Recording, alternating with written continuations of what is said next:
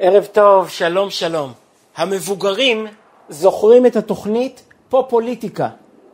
זו הייתה תוכנית תקשורתית פוליטית שהצמיחה מפלגה.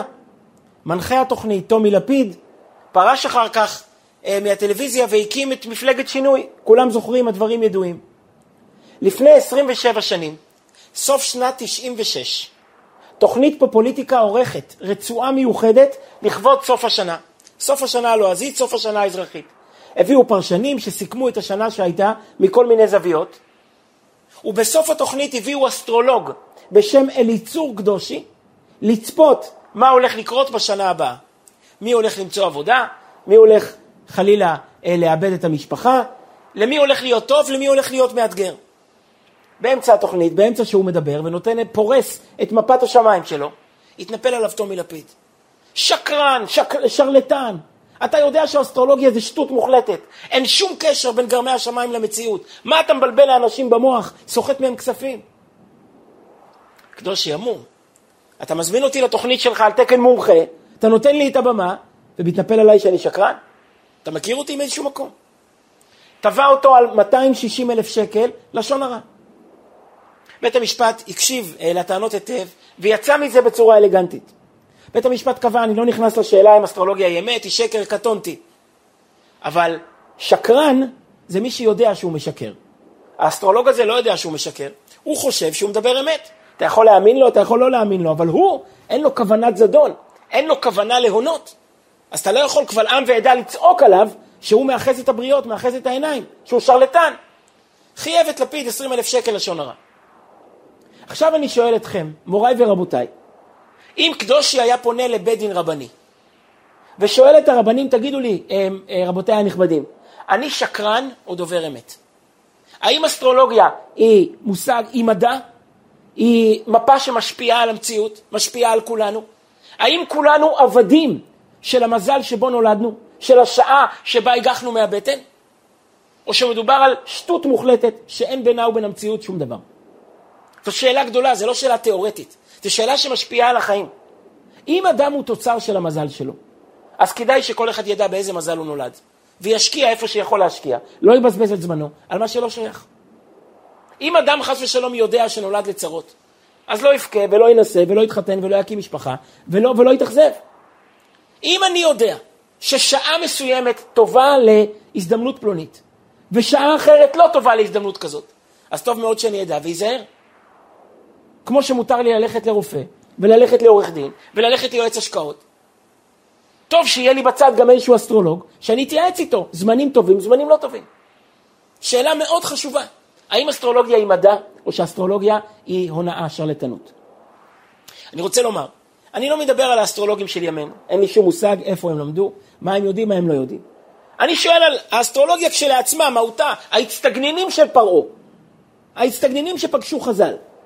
האם זה תורה אמיתית? האם זה מדע מדויק? או שמדובר סתם בשטות כדי להונות את ההמון? אנחנו רוצים לדבר היום, לפתח את שיטת הרמב"ן, שיטה מיוחדת במינה הרמב"ן בפרשתנו. נגיד שהרמב"ם סובר אחרת, אבל אנחנו נדבר היום על שיטת הרמב"ן. שיטה נפלאה ומיוחדת שאומרת את המשנה הכי מקורית, הכי מפתיעה שיש. אסטרולוגיה היא אמת. אמרתי, לא, אינני יודע מה האסטרולוגים של היום יודעים, אלה שכותבים בעיתון. נדבר על האסטרולוגיה האמיתית, המהותית, שהייתה לפני אלפיים שנה.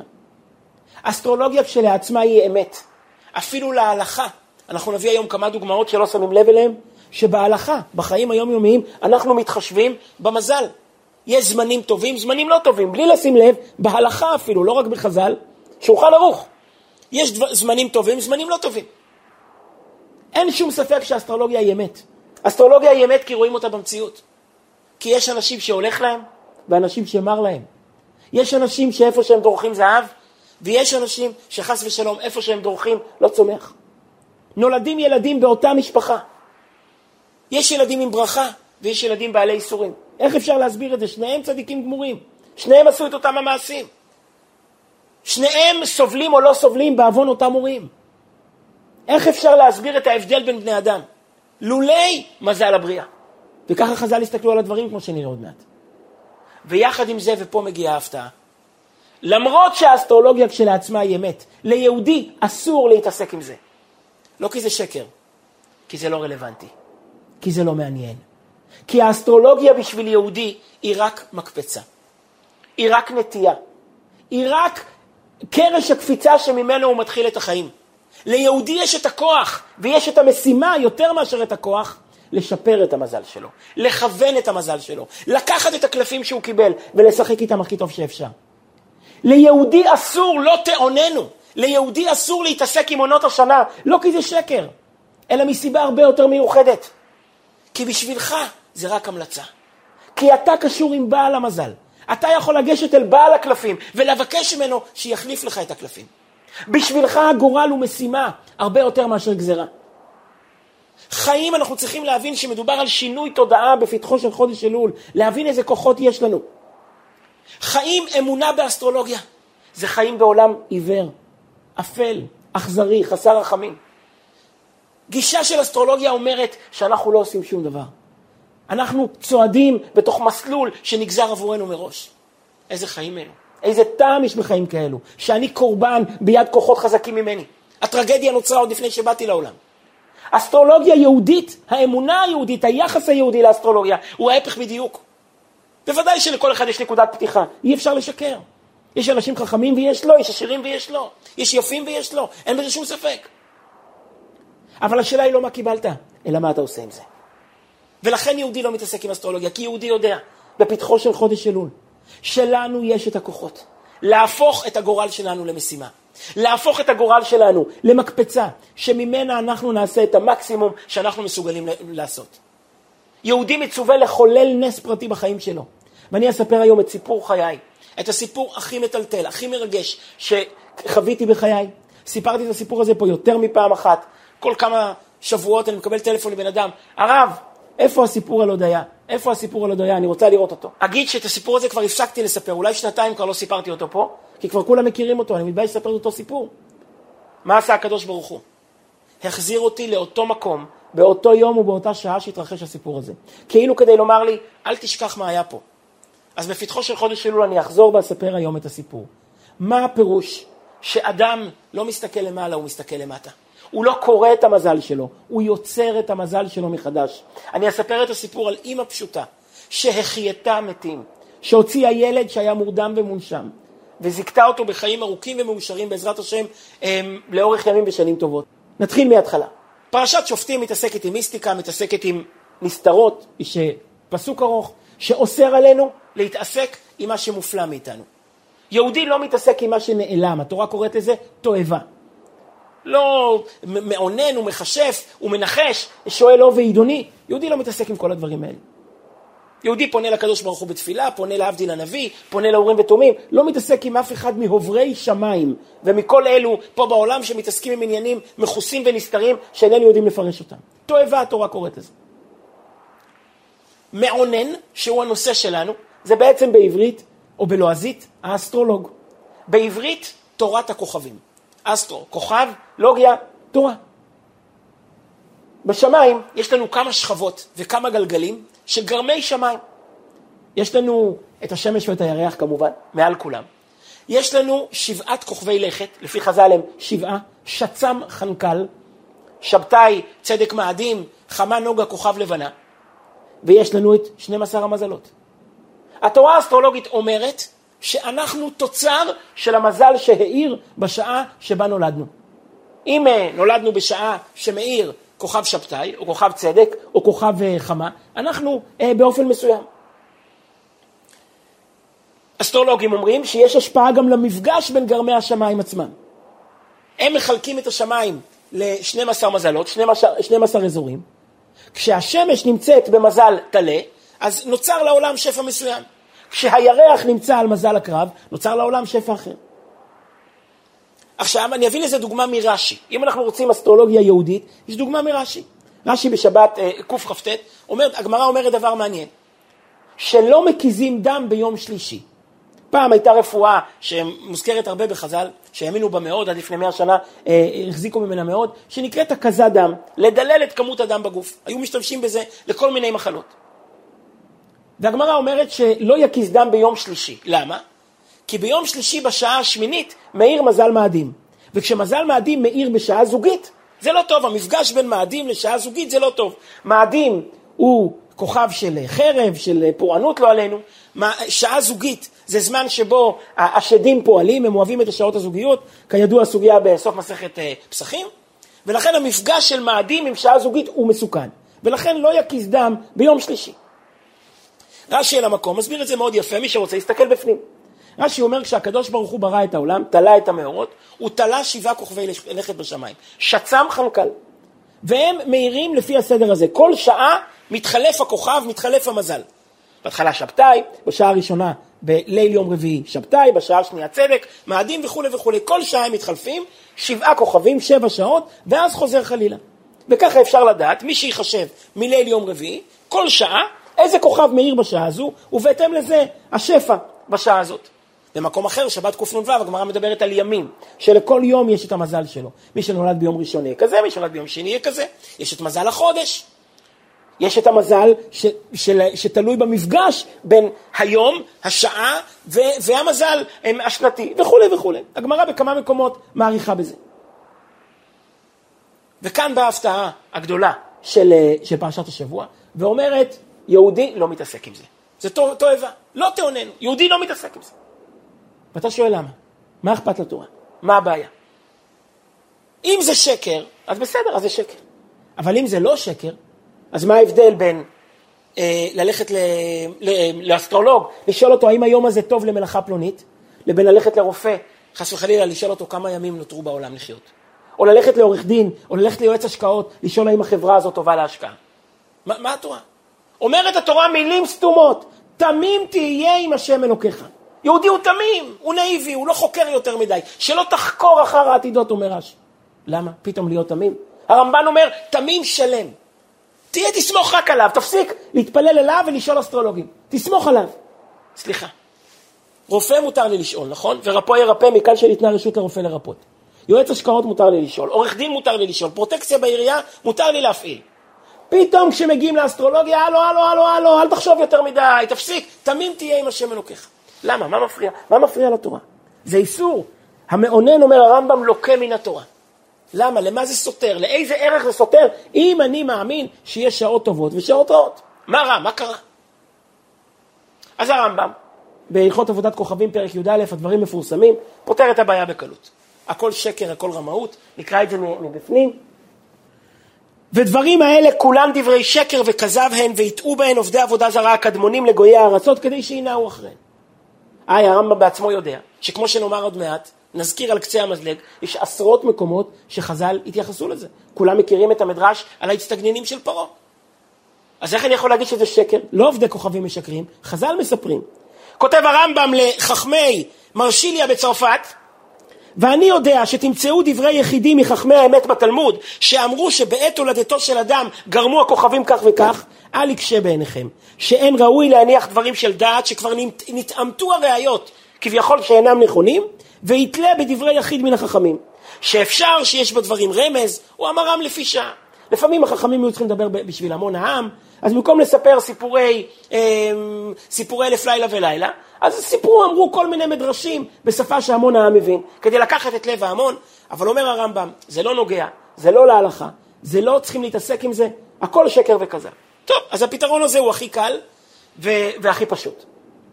אבל אחרים חולקים על הרמב"ם בחריפות, ולו בגלל מה שהוא מציין. כל כך הרבה מקומות בחז"ל, אנחנו נביא ממש על קצה המזלג דוגמאות ספורות.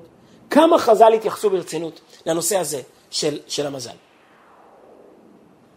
קודם כל, גמרא מסכת מועד קטן כ"ח. אמר רבא, חיה בנה ומזונה, בריאות, פרנסה וילדים, לא בזכות הטליה מילתא. זה לא תלוי מה אני אעשה, אלא במזל הטליה מילתא. הדברים נקבעו עוד לפני שנולדנו. אנחנו משחקים עם קלפים שקיבלנו מראש. מאיפה רבא יודע דבר כזה? הוא אומר מהמציאות, משני רבותיי. אני גדל אצל שני אדמו"רים, שני צדיקי עולם, רבא ורב חיסדא. אצל אחד לא מפסיקה שמחה, אצל אחד לא פוסק העצב. אצל רב חיסדא לא פוסק העושר, אצל רבא לא פוסק העוני. רב חיסדא, אריכות ימים ושנים טובות, רבא חי 40 שנה. זה לא מפסיק לחתן, זה חס ושלום להפך. איך אפשר להסביר את זה? שני אנשים עשו את אותו הדבר, חיו את אותם חיים. אבל אצל אחד רק שמחה, אצל השני רק להפך. אומר רבא, המציאות מוכיחה שיש דברים שנקבעו עוד לפני שבאנו. מה הם? מזל. והאמת היא שהגמרא אומרת בנידה, כולם יודעים, שמלאך הממונה על ההיריון לוקח את הטיפה, הטיפה שעוד לא נוצרה, עוד לא התחילה את החיים. אתה לא יכול להאשים חטא, הם, הם, הם, הם חטא או זכות. הטיפה עוד לא נוצרה, אדם עוד לא הגיע לעולם. וכבר שואל את הקדוש ברוך הוא, טיפה זו מה תעליה? חכם או רשע, עשיר או עני, גיבור או חלש וכולי. החומרה נקבעה לנו כבר למעלה, עוד לפני שבאנו. מקום אחר, הגמרא אומרת דברים מבהילים על עוצמתו של המזל, אולי זה המקור הקיצוני ביותר שאפשר למצוא. אומרת הגמרא שאפילו הקדוש ברוך הוא אינו יכול לשנות את המזל של האדם בלי לברוא אותו מחדש, בשעה אחרת. המזל הוא כל כך מובנה, הוא כל כך יצוק, הוא בדיוק האדם שאי אפשר לשנות את גורלו של האדם בלי ליצור אותו מחדש, בלי לפרק אותו ולבנות מחדש את, את היסודות שלו. הגמרא מספרת סיפור, תענית קפה על רבי אלעזר בן פדת. רבי אלעזר בן פדת, אומרת הגמרא, היה חכם גדול, אבל אביון מוחלט. אדם שרגע אחד של שמחה לא הייתה לו בחיים. פעם הלך להקיז דם, ואחרי שמקיזים דם, מוציאים הרבה דם, צריכים לאכול ארוחה טובה. אבל הוא איש חסר מזל, מאיפה יאכל? הדבר היחיד שמצא בבית היה חתיכת שום. לאכול שום אחרי גוף כל כך חלש. נפל והתעלף. ואיבד את ההכרה, הגמרא קוראת לזה נרדם, אולי איבד את ההכרה. באו החכמים לבקרו, התיישבו על יד המיטה שלו. וראו אותו צוחק ובוכה, וניצוץ של אש יוצא ממצחו. אחרי שהתעורר, שאלו אותו, מה היה לך? את מי פגשת? צוחק ובוכה וניצוץ של אש יוצא ממצחו. אמר, בא ריבונו של עולם לבקר אותי. התיישב לידי על המיטה, התחלתי לבכות לריבונו של עולם. למה המזל הזה? כמה אני עוד אסבול? איך אני מגיע לעניות כזו שאין לי מה לאכול אחרי הקזת דם? האם הוא, שאלתי את הקדוש ברוך הוא, בהתחלה צחקתי על האורח, ואז בכיתי על המזל. שאלתי את הקדוש ברוך הוא, האם בכוח התפילה, האם אני יכול לשנות את המזל שלי? אמר לי הקדוש ברוך הוא, בשביל לשנות את המזל, אני אצטרך לברוא את העולם מחדש. מסביר המהרש"ל, לא את העולם כולו, אני אצטרך לקרוע את הבגד ולתפור אותו מחדש. אני אצטרך אותך להמית ולהביא לעולם מחדש בשעה אחרת שיש בו מזונות. במזל אחר שמאיר בו המזונות. שאל אותי הקדוש ברוך הוא, אתה רוצה להתחיל הכל מחדש? שאלתי את ריבונו של עולם, האם חייתי את רוב חיי? שואל על עצמו רבי אלעזר בן פדת, האם הוא חי את רוב חייו? אמר הקדוש ברוך הוא, כן חיית את רוב חייך. אמרתי, אם חייתי, אז אסיים כמו שהתחלתי. ראינו שאלה עצומה, שאפילו הקדוש ברוך הוא, כביכול, אינו יכול לשנות את המזל בלי לברוא את האדם מחדש. עד כאן סיפורים, עד כאן אגדות. יגיד הרמב"ם, תרצו תקבלו, לא תרצו לא תקבלו. אבל מכאן להלכה, וזה הדבר המדהים. אני אביא רק כמה דוגמאות, ואני בטוח שלא מצאתי את כולם, וזה גם תלוי במנהגים של קהילות ועדות, אבל אני אביא כמה דברים שכתובים בחז"ל, שכולנו לא שמים לב, שאנחנו נוהגים בהם ונזהרים בהם מפני המזל, מפני השעה שבה הדברים קורים, היום שבו הדברים מתרחשים. שתי המילים השגורות בעולמו של יהודי, שנזכה הרבה לומר אותם, מזל טוב, מזלו ברוכה. היהלומנים אומרים, מזל וברכה. מזל טוב, מה אנחנו מאחלים לחתן וכלה? מזל טוב, שיאיר להם המזל, שיאיר להם השפע, שהוא למעלה מהמעשים שלהם. אותו שפע שבא מן השמיים. אנחנו בסיומו של חודש אב. הגמרא אומרת שבחודש אב הם, אדם לא יעשה משפט עם נוכרי דריה מזלי. חודש אב זה חודש שמזלו רע. תמיד כשהיו צרות הם היו בחודש אב. ראית שיש משהו בחודש הזה שמושך אש. יעשה משפט עם נוכרי בחודש אדר, שטוב מזלו. נולד בו משה רבנו. יום הולדת, מה העניין של יום הולדת? יום הולדת מובא בתלמוד ירושלמי שמזלו של האדם גובר. המזל של הלידה מתגבר באותו יום והוא שוב מקבל שפע. מאיפה אנחנו יודעים את זה? מובא בירושלמי דבר מבהיל. עמלק מבין בכשפים היה. מבין היה באסטרולוגיה, האסטרולוגיה שינקה כוחה מכוחות הטומאה. וכשלחם נגד ישראל, אחרי יציאת מצרים, ויזנב בך כל הנחשלים אחריך. הצליח להפיל את החלשים בינינו. איך? מה הייתה השיטה שלו? ניצחנו את פרעה, למה נפלנו מול עמלק? אומרת הגמרא כי עמלק היה מתוחכם, שולח לוחמים ביום ההולדת שלהם. הוא לא היה ממיין בבקו"ם לפי כישרונות, לפי יכולות, לפי פרופיל, היה ממיין לפי ימי הולדת. שולח לוחמים ב- ביום ההולדת שלהם, כי לא במהרה נופל אדם ביום ההולדת שלו, שמזלו גובר. כך לשון התלמוד הירושלמי. לא במהרה נופל אדם, איפה הירושלמי הזה? במסכת ראש השנה. לא במהרה נופל אדם ביום ההולדת שלו. כולנו מכירים מי שישן בראש השנה, ישן מזלו כל השנה. כי בראש השנה מאיר מזל. אם אתה ישן, אתה מפספס את המזל הזה. יש מנהג בקהילות חסידיות, בחב"ד זה מאוד נהוג, אני יודע שלא רק בחב"ד, שלא עורכים קידוש בליל שבת בין 20 ל-6 ל-20 ל-7. יש יהודים שנוהגים עד 7 בערב בליל שבת לא לעשות קידוש. זה בעיקר בתחילת הקיץ, כשמתחלף השעון, אז חוזרים מבית הכנסת בין 6 ל-7. יש מנהג שמובא בשולחן ערוך אדמו"ר הזקן, לא לעשות קידוש בשעה הזו, למה? כי בשעה הזו מאיר מזל מאדים, שכמו שהזכרנו קודם, זה מזל של דין, ויין הרי עניינו דין, אז זה לא טוב, מזל מאדים ויין לא הולך ביחד. יש דברים שנקבעו להלכה, שאנחנו מתחשבים עם מה שקורה בשמיים, עם השפע שיורד לעולם. אז למה לא תאוננו? ואיך אם התורה אוסרת לאונן, איך אנחנו כן מתחשבים להלכה, כמו שהזכרנו עכשיו, בכמה וכמה עניינים שקשורים עם מזל הבריאה. אז מה בדיוק דרך האמצע הזו שאנחנו הולכים איתה? אם היינו הולכים כמו הרמב"ם, הכל שקר, הכל שטות, אז בסדר, הכל, הכל פשוט. אבל אם לא הולכים כמו הרמב"ם, אלא הולכים בשיטה שכן חוששים למזל, כמו שהגמרא מביאה, מביאה בכמה מקומות. אז למה בכל זאת, אז מה בכל זאת מונח בתוך העניין? אני אסיים את פרק השאלה עם עוד מובאה אחת ברמה, שהיא קצת מתחילה להסביר לנו את העניין. מובא בשולחן ערוך יורד דעה סימן, רע"ט, דברים מיוחדים במינם. הגמרא שמה אומרת, הנה עוד דוגמה ששכחתי להגיד, פסקה בשולחן ערוך, הלכה. אין מתחילים בבית ודלת. לא מתחילים מלאכות חדשות, מקובל, נדמה לי זה רבי יהודה החסיד, שלא עוברים דירה בשני ורביעי. למה? שני, שני ורביעי זה ימים שהתחילה בהם מחלוקת, נבראה המחלוקת. ביום שני הפרידו בין שמיים לארץ, ביום רביעי נתלו המאורות, והייתה מריבה בין השמש והירח, הקנאה. אז ימים של מחלוקת שני ורביעי. לא מתחילים מלאכה חדשה בבית ודלת. מתחתנים לאור הלבנה. אנחנו יודעים שיש מנהג שפעם היה מאוד מקובל, שמתחתנים בחצי הראשון של החודש, לא בחצי השני של החודש, שהלבנה קטנה. מיד מתייחס הרמה, רגע, אנחנו חוששים, זה באותו סימן שנאמר שאסור לחשב באסטרולוגיה. והסעיף הבא, אין מתחילים מבית ודלת. רגע, אומר הרמה, אני מבולבל. אז שואלים אסטרולוגים או לא שואלים אסטרולוגים? אז הוא אומר דבר משפט מאוד פשוט, וזה מתחיל לתת לנו איזשהו כיוון.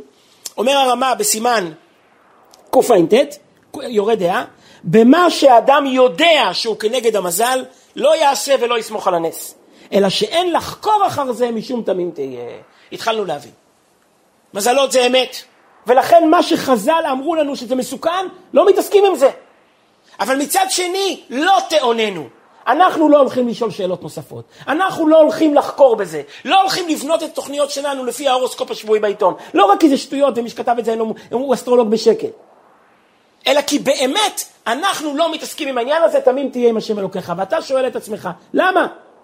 אם זה אמת, אז זה אמת, מותר לי להתייעץ עם רופא ועם עורך דין, מותר לי גם להתייעץ עם אסטרולוג, מה קרה? למה זה יותר גרוע? אז בואו נפתח משנה מיוחדת במינה, הרמב"ן מאוד מעריך בה, אה, ב... אצלנו, על הפסוק הזה של מעונן, ומצאתי בהשגחה פרטית על הנושא הזה, גם דיברתי לפני חמש שנים בתשע"ח, אבל אז הדברים לא היו אמיתיים. מצאתי בשנים האחרונות שיחה ארוכה מיוחדת מאוד מהרבי, שמסביר את הרמב"ן הזה. הוא לא מתייחס לרמב"ן, אבל ברור שהוא הולך בשיטתו של הרמב"ן, ומפתח את המשנה המרהיבה בפתחה של חודש אלול, בפתחו של אלול, אין נושא יותר מתאים, יותר מרומם, יותר מחזק, יותר מכוון, יותר נותן טעם בתפילה שלנו, משמעות בתפילה שלנו, בתשובה שלנו, בצדקה שלנו, מעבר ליסוד שעליו אנחנו נדבר. שלוש מילים, מתחילת השיעור, כולם צועקים, לא מבינים, אתם יושבים מול המחשב ושואלים את עצמכם, למה הוא לא אומר את זה, הוא לא יודע גמרא? שלוש מילים, אמר רבי יוחנן, אין מזל לישראל. לא אין מזל, יש מזל. לגויים יש מזל? מזל הוא דבר אמיתי, אמר הרמה, מה שיודע שהוא כנגד המזל, לא יעשה ולא יסמוך על הנס. אבל אין מזל לישראל. אצל ישראל המזל לא מחייב. המזל הוא גמיש. המזל הוא, הוא, הוא רק המלצה. מה הפשט בזה? לא תאוננו, אומרת התורה, כי נועדנו לחולל ניסים. לא נועדנו להסתכל על השמיים, נועדנו לשנות את השמיים. יהודי הוא שותף במעשה בראשית. יהודי הוא בן של מלך. אומר לך הקדוש ברוך הוא, מה אתה קורא את הקריטריונים? תפנה אליי, אני אשנה בשבילך את הקריטריונים. כי כל מהותו של יהודי זה להוכיח שיש כוח שמעבר לטבע. זה להוכיח שהוא עצמו מעבר לטבע, שהטבע הוא לא סוף פסוק, הוא רק כלי קרדום, הוא רק גרזן ביד החוצב. עניינו של יהודי זה להוכיח שהטבע הזה הוא מקפצה כדי להיות גרסה יותר טובה של הטבע. כדי להביא את העולם למקום יותר טוב מהמקום שבו הוא התחיל בו. וזה מתחיל מכל אחד מאיתנו. לחיות בעולם של אסטרולוגיה זה לחיות בעולם אפל. בעולם שבו הכל צפוי ואין הרשות נתונה. וברע העולם נידון. זה לחיות בעולם כזה שבו הכל נגזר עבורך מראש. ומה אתה? אתה אבן בידיים של כוחות עליונים. אין תועבה גדולה מזו מאשר השקפה כזו.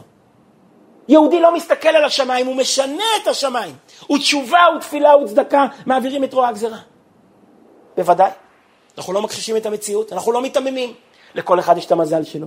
לכל אחד יש את התכונות שלו. לכל אחד יש את האופי שלו. אומר הרמב"ם בשמונה פרקים, יש מי שמוכן למעלה ויש מי שמוכן לחיסרון. כל אחד יודע על הילדים שלו. יש ילדים עם נטיות רוחניות, עם רגישות רוחנית. ילדים צוקה, ילדים לנשק אותם. כל אחד מכיר את זה. יש ילדים שקשה להם, שעל כל דבר צריכים להיאבק ועל כל דבר צריכים להילחם. זאת מציאות, לא נוכל לייפות אותה. אבל כולנו יודעים שהמציאות היא קרש קפיצה. המציאות היא הזמנה לעשייה, היא קריאה לעשייה. יהודי לא שואל אסטרולוג אם היום הזה טוב או לא טוב, כי יהודי צריך לבחור בעצמו. ואחרי שהוא בחר, אם הוא נתקל באבן, הוא צריך להפוך את האבן הזו איכשהו למקפצה. הוא צריך איכשהו להפוך את החיים לרגע יותר טוב. יהודי יודע שהכוחות נמצאים אצלו, לא נמצאים למעלה. ולכן אנחנו, מה שיודעים שזה נגד המזל, לא מתעסקים עם זה. אבל רוב החיים אנחנו לא יודעים שהם נגד המזל. להפך, הם קריאה לעשייה, לקחת אחריות ולקחת בחירה ולשנות את הדברים לטוב. אין את מי להאשים. לא את המזל, ולא את הבית, ולא את ההורים, ולא את אף אחד. צריכים לשנות. שמעתי פעם פירוש, בעצם זה מבוסס על יערות דבש, רבי יונתן אייבישיץ, אבל אני אומר את זה בצורה קצת יותר אה, דרשנית לימינו, מאשר שרבי יונתן אייבישיץ לומד את זה בצורה עמוקה. כולנו מכירים את הגמרא המפורסמת, אי אפשר להיכנס לחודש אלול בלי להזכיר אותה. על אלעזר בן דורדיה, שהפך להיות רבי אלעזר בן דורדיה. והוא שומע מאותה אישה את המילים, אתה אבוד, אתה גמור, ממך הקדוש ברוך הוא נואש, לך הוא סגר את הדלת. לשמוע ממנה את זה, זה היה פוגע. והוא יוצא בין הערים והוא צועק, ערים וגברות בקשו עלי רחמים, שמיים וארץ בקשו עלי רחמים, שמש וירח בקשו עלי רחמים. וכולם עונים לו, לפני שנתפלל עליך נתפלל על עצמנו. אמר אין הדבר תלוי אלא בי. הוריד ראשו בין ברכיו, גאה בבכייה עד שיצא נשמתו. יצא בת קול ואמרה, רבי אלעזר בן דורדיה, מזומן לחיי העולם הבא. שואל כל אחד, מה זה המשחק הזה? מה זה המכתבים האלה? המיילים שהוא שלח. ערים וגברות בקשו עלי רחמים. שמש וירח בקשו עלי רחמים. שמיים וארץ בקשו עלי רחמים. מה הוא רוצה? הוא לא יודע שאדם צריך לעשות תשובה. דרשה מופלאה אומרת כך, רבי אלעזר בן דורדיה לא מבקש תפילות, הוא מבקש להאשים. הוא מבקש לגלגל אחריות. קשה לו לחזור בתשובה. הדבר הראשון שאנחנו עושים כשפוגשים את המציאות זה לחפש אשמים. כולם אשמים חוץ ממני. הוא אומר להרים ולגבעות, ההרים הם כמו ההורים, הם כי מראש צורים אראנו ומגבעות אשורנו. אומר רש"י, אלו האבות והאימהות. הם הדמויות שלאורם גדלנו. דבר ראשון, אדם מאשים את אבא שלו, מאשים את אימא שלו. אבא לא היה בבית, אימא הייתה קשה. כל אחד, יש לנו את הטענות, כל אחד. זה מאשים שמיים וארץ. הקדוש ברוך הוא, זה הגורל שלי, כן, פה תקעת אותי, זה ההזדמנויות שנתת לי. שמש וירח בקשו עלי רחמים. המזלות, מה שדיברנו. כל אחד מאשים את המזל שהוא נולד בו. הייתי פעם בלוויה, לא עלינו ולא על אף אחד. באמת, אדם שהחיים שלו היו קשים. אח שלו עמד על יד המיטה וצעק. אף פעם לא היה לך מזל. צעק על יד המיטה. היית אדם שנולדת בלי מזל, ככה הוא צעק עליו. יש לנו נטייה כזו להאשים את כולם. עונים ההורים, עונים השמש והירח, אין הדבר תלוי אלא בך. מה יעזור לך להאשים אחרים? זה יפתור משהו? יותר, טוב לדעת שאדם לא עומד בניסיון שהוא לא יכול לעמוד בו. במקום להאשים את כל העולם, קח אחריות ותשנה, תיקח את הנתונים שנולדת איתם כקרש קפיצה, כמו הבירור שנועד לך בעולם. הכל צפוי, נכון, אבל הרשות נתונה. ובטוב העולם נידון, וכל אחד נדון מנקודת ההתחלה שבה הוא נולד. בהתאם לנקודת ההתחלה שלו, לפום גם לשכנע, לפי הקושי, כך גם הכוח שהקדוש ברוך הוא נותן. נבין, זה מה שאומר רבי יוחנן, אין מזל לישראל. מה הכוונה אין מזל לישראל? יש מזל. המציאות היא שיש מזל. אבל אין מזל לישראל, כי ישראל מעל המזל. ישראל יותר, ליהודי יש יותר כוח מהטבע שלו. הוא יכול לשנות את הטבע שהוא נולד בו. דיברנו על זה בשבוע שעבר. יהודי יכול לבחור אם להיות משה רבנו או ירובעם בן נבט. והגמרא להוכיח את הדברים מספרת כמה סיפורים. שם בשבת קנ"ו. סיפור אחד על אבלט. היה שמואל, המורה בבבל, היה לו חבר בשם אבלט, אסטרולוגוי. יום אחד הם עומדים ביציאה מהעיר, ואבלט מצביע על יהודי אחד שיוצא לעבודה, ואומר, הוא לא יחזור היום. הוא ימות היום בשעת העבודה. יצאו חוטבי עצים עם הגרזן, עם החבלים על הכתף. בערב חוזרים חוטבי העצים, ושמואל ואבלט עוד עומדים שם ביחד, ואותו יהודי חוזר על שתי רגליים, בא הרוג ברגליו. אבלט בהלם, בחיים לא קרה לו טעות, הוא ידע את מפת השמיים. אני ראיתי במזל שלו, היום מאדים בשעה זוגית, הוא אמור ליפול. קראו לו, שאלו אותו, איזה מעשה טוב עשית היום? הוא אמר, אנחנו חוטבי העצים, חיים באחווה. כל אחד מביא קצת לחם מהבית, שמים מישהו עובר, אוסף איתה עם הקערה, וכל אחד זורק בפנים, וככה כולנו אוכלים בשותף. אם קרה שלאדם אין מה לאכול, הוא נהנה מאחרים. היום אני עברתי עם הסלסלה, והיה אדם אחד שלא שם כלום. לפי החוק היו צריכים לשים לפחות משהו. לא שם כלום. לא אמרתי שום דבר, חזרתי לתיק שלי, הייתה לי עוד מנה, ושמתי בפנים.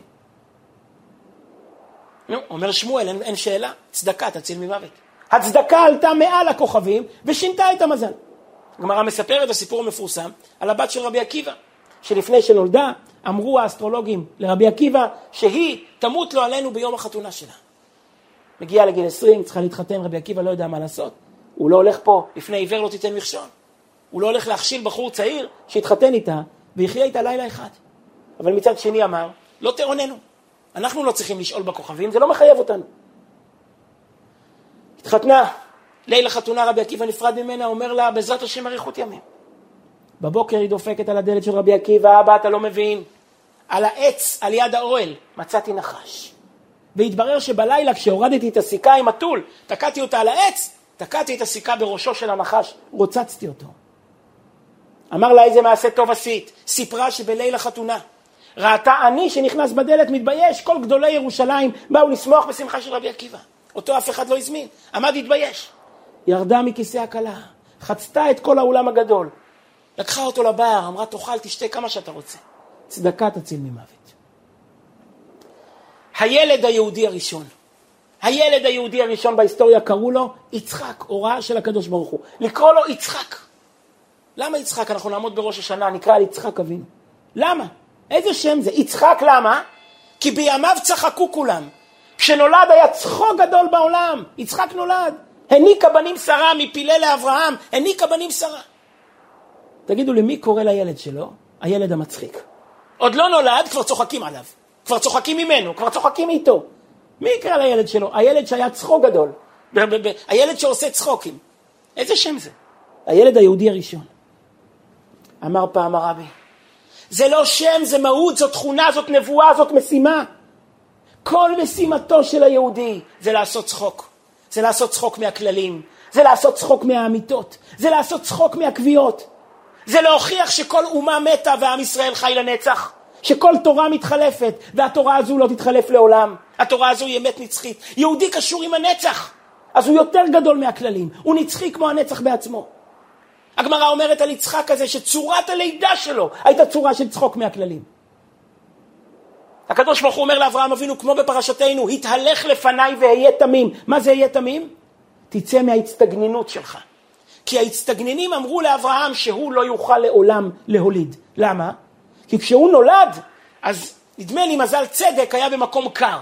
וכיוון שכן הוא לא היה יכול להתחמם, לא היה יכול להוליד. אמר הקדוש ברוך הוא, אני אעביר את המזל שלך למקום חם, וככה תוכל להוליד. כל עצם לידתו של יצחק אבינו הייתה צחוק מעל הכללים. הייתה לקחת את הנקודה שממנה התחלתי את החיים, ו- ולהתקדם ולרוץ, להתקדם הלאה קדימה, לחולל את הנס הפרטי שלי. זאת מהותו של יהודי. יהודי לא מסתכל מה קובע לו המזל, הוא צוחק מהמזל ומשנה אותו לטוב. הוא לוקח את הנתונים שהוא קיבל, והוא יודע שלפום גם לשכנה, ולפום צער האגרא, וכ- וכ- וכגודל היגיעה, כך גודל הכוחות וגודל השכר שהקדוש ברוך הוא נותן לכל אחד מאיתנו. אמרתי שאני רוצה לספר את סיפור חיי. לפני, לפני שנתיים, עכשיו יהיה שנתיים, ערב ראש השנה, אני בדרך להרצאה באולמי ויז'ניץ באלעד. הרצאה לעובדי התעשייה האווירית, מי שיודע, אה, עובדי התעשייה האווירית זה גוף מכובד מאוד, מאורגן מאוד, יש להם יושב ראש דומיננטי, ויש להם ימי עיון בערב פסח ובערב החגים. יצא לי כמה פעמים להיות שם, גם השנה אני אמור להיות ביום עיון בפתח תקווה שלהם, בעשרת ימי תשובה כמדומני. ואני בדרך, יום חמישי האחרון לפני ראש השנה, תשפ"ג, לפני, שנה, ראש שנה תשפ"ב, סליחה, לפני שנתיים, אני בדרך להרצאה באולמי ויז'ניץ באלעד, הרצאה שנקבעה חצי שנה מראש. בדרך מתקשרת אליי לנה, המזכירה של ועד העובדים, היא אומרת, הרב אשכנזי שינוי קטן, האירוע לא באולמי ויז'ניץ, הוא באולם ברחוב רבן יוחנן בן זכאי, נדמה לי 72 באלעד, אולי אני טועה במספרים, האלעדים שמקשיבים לנו, יבדקו אותי. 12.28 אני נכנס לאלעד, הווייז מוביל אותי דרך רחוב שמעון הצדיק. רחוב חצי עיגול, אני לא מכיר את הדרך, אני מאמין לווייז. רחוב חצי עיגול, אני עולה את הרחוב הזה, ואמור להגיע ל-T, למפגש של רבן יוחנן בן, של שמעון הצדיק ורבן יוחנן בן זכאי. אני מתקרב ל-T הזה, 12.29, עוד דקה אני צריך לעלות לדבר. אני מסתכל מסביב, אני מכיר את המקום. העצים, הבניין הגדול בפינה, מעלה הדרך, התמרורים, אני מכיר. מתי הייתי כאן? מתי הייתי כאן? אני בולם, מזל שמאחוריי לא היה שום רכב. ואני אומר, זה לא יכול להיות. הייתי פה היום, עכשיו, לפני שנתיים. לפני שנתיים, ערב ראש השנה תש"פ, ראש השנה שהקדוש ברוך הוא חתם על הקורונה, הייתי פה במקום הזה. הקדוש ברוך הוא מחזיר אותי לכאן, לא הייתי אמור להיות כאן, הייתי אמור להיות בוויז'ניץ, שזה מקום אחר. האירוע זז היום, מהרגע להרגע. אני נכנס פנימה, אני שואל את האנשים, ישבו מאות גברים וכמה עשרות נשים בצד שמאל. אני מסתובב לעזרת נשים ושואל, כאן זה גאודה? הן אומרות לי, כן, מעבר לכביש, כאן זה גאודה. המיקרופון נפל לי מהידיים, לא יכולתי לדבר. האירוע הכי מטלטל שחוויתי בחיים שלי, חוזר לי מול העיניים שנת, שנתיים אחרי, באותו יום וכמעט באותה שעה. שנתיים קודם, ערב ראש השנה תש"פ, אני מסיים הרצאה בחברה שנקראת גאודה או גאודה, חברה שמתעסקת במיפוי הנדסי, משהו כזה, איסוף מידע בשביל עיריות. כל העובדים עובדות. נשים דתיות שעובדות בצניעות, רק נשים עובדות שם, אני הייתי הגבר היחיד בבניין. אני מסיים את ההרצאה, בא לצאת. הדלת הייתה מאחורה, בצד השני. לא רציתי להקים אף אחת, לא רציתי לעבור ביניהן, אז אני מחפש דרך מילוט. אני מסתובב אחורה, בקיר מאחוריי, שני מטר מאחוריי, דלת כסופה באמצע הקיר. דלת מתכת, דלת חירום. אני מזיז את הלשונית, הדלת פתוחה. אני יוצא החוצה, רץ, יש לי שלוש מדרגות לרוץ לאוטו. ליד הפתח חירום הזה מבחוץ עומדת אישה צעירה. לא ידעתי אז את שמה. היא שואלת, הרב, אתה ממהר?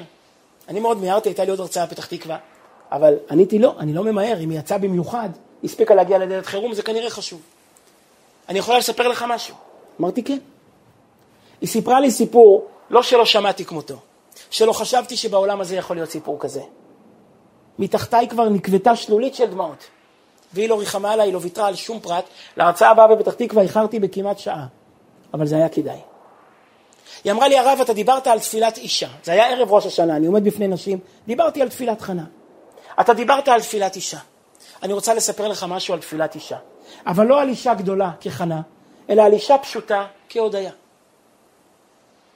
השבוע היא אומרת, חזרתי לעבודה אחרי שנתיים. שנתיים לא הייתי פה. רצה הקדוש ברוך הוא שאני אשמע אותך. לפני שנתיים היא אומרת, גילו אצל הבן שלנו אביאל, שאז היה בן שנתיים וחצי, את המחלה הנוראה בדם. לוקימיה, לא עלינו ולא על אף אחד מישראל. עליתי למעלה, ביקשתי חל"ת. שנה לא עזבתי את המיטה שלו. שנה לא יצאתי משניידר. לא שבתות, לא אירועים, לא חגים, לא אירוח, לא כביסות, לא בישולים. אני עם אביאל לתת לו כוח. שנה הכיוון היה נראה חיובי, כל הטיפול הכימותרפי שלו נדע מצרות, כבר מדברים שהוא משתחרר ואני חוזרת לעבודה, ואז מתהפך עלינו הגלגל של החיים. מגלים אצלו איזו נפיחות באזור המעי, באזור הבטן התחתונה. היא תיארה לי את זה, אני לא אעשה לכם את זה. איך שחותכים אותו ומקלפים אותו ומנסים להבין מה יש שם והמקום כולו מתעוות, הרופאים לא יודעים. חוזרת ביופסיה מאיזה מעבדה מיוחדת, התיישב לו על המעי חיידק נדיר ביותר, שיש רק סוג אחד של אנטיביוטיקה שמטפל בו, והוא פיתח עמידות גם לסוג האנטיביוטיקה הזה. אז אין דרך רפואית לטפל בו. האונקולוגית עומדת על יד המיטה בוכה, אומרת הילד הזה היה אמור לחיות.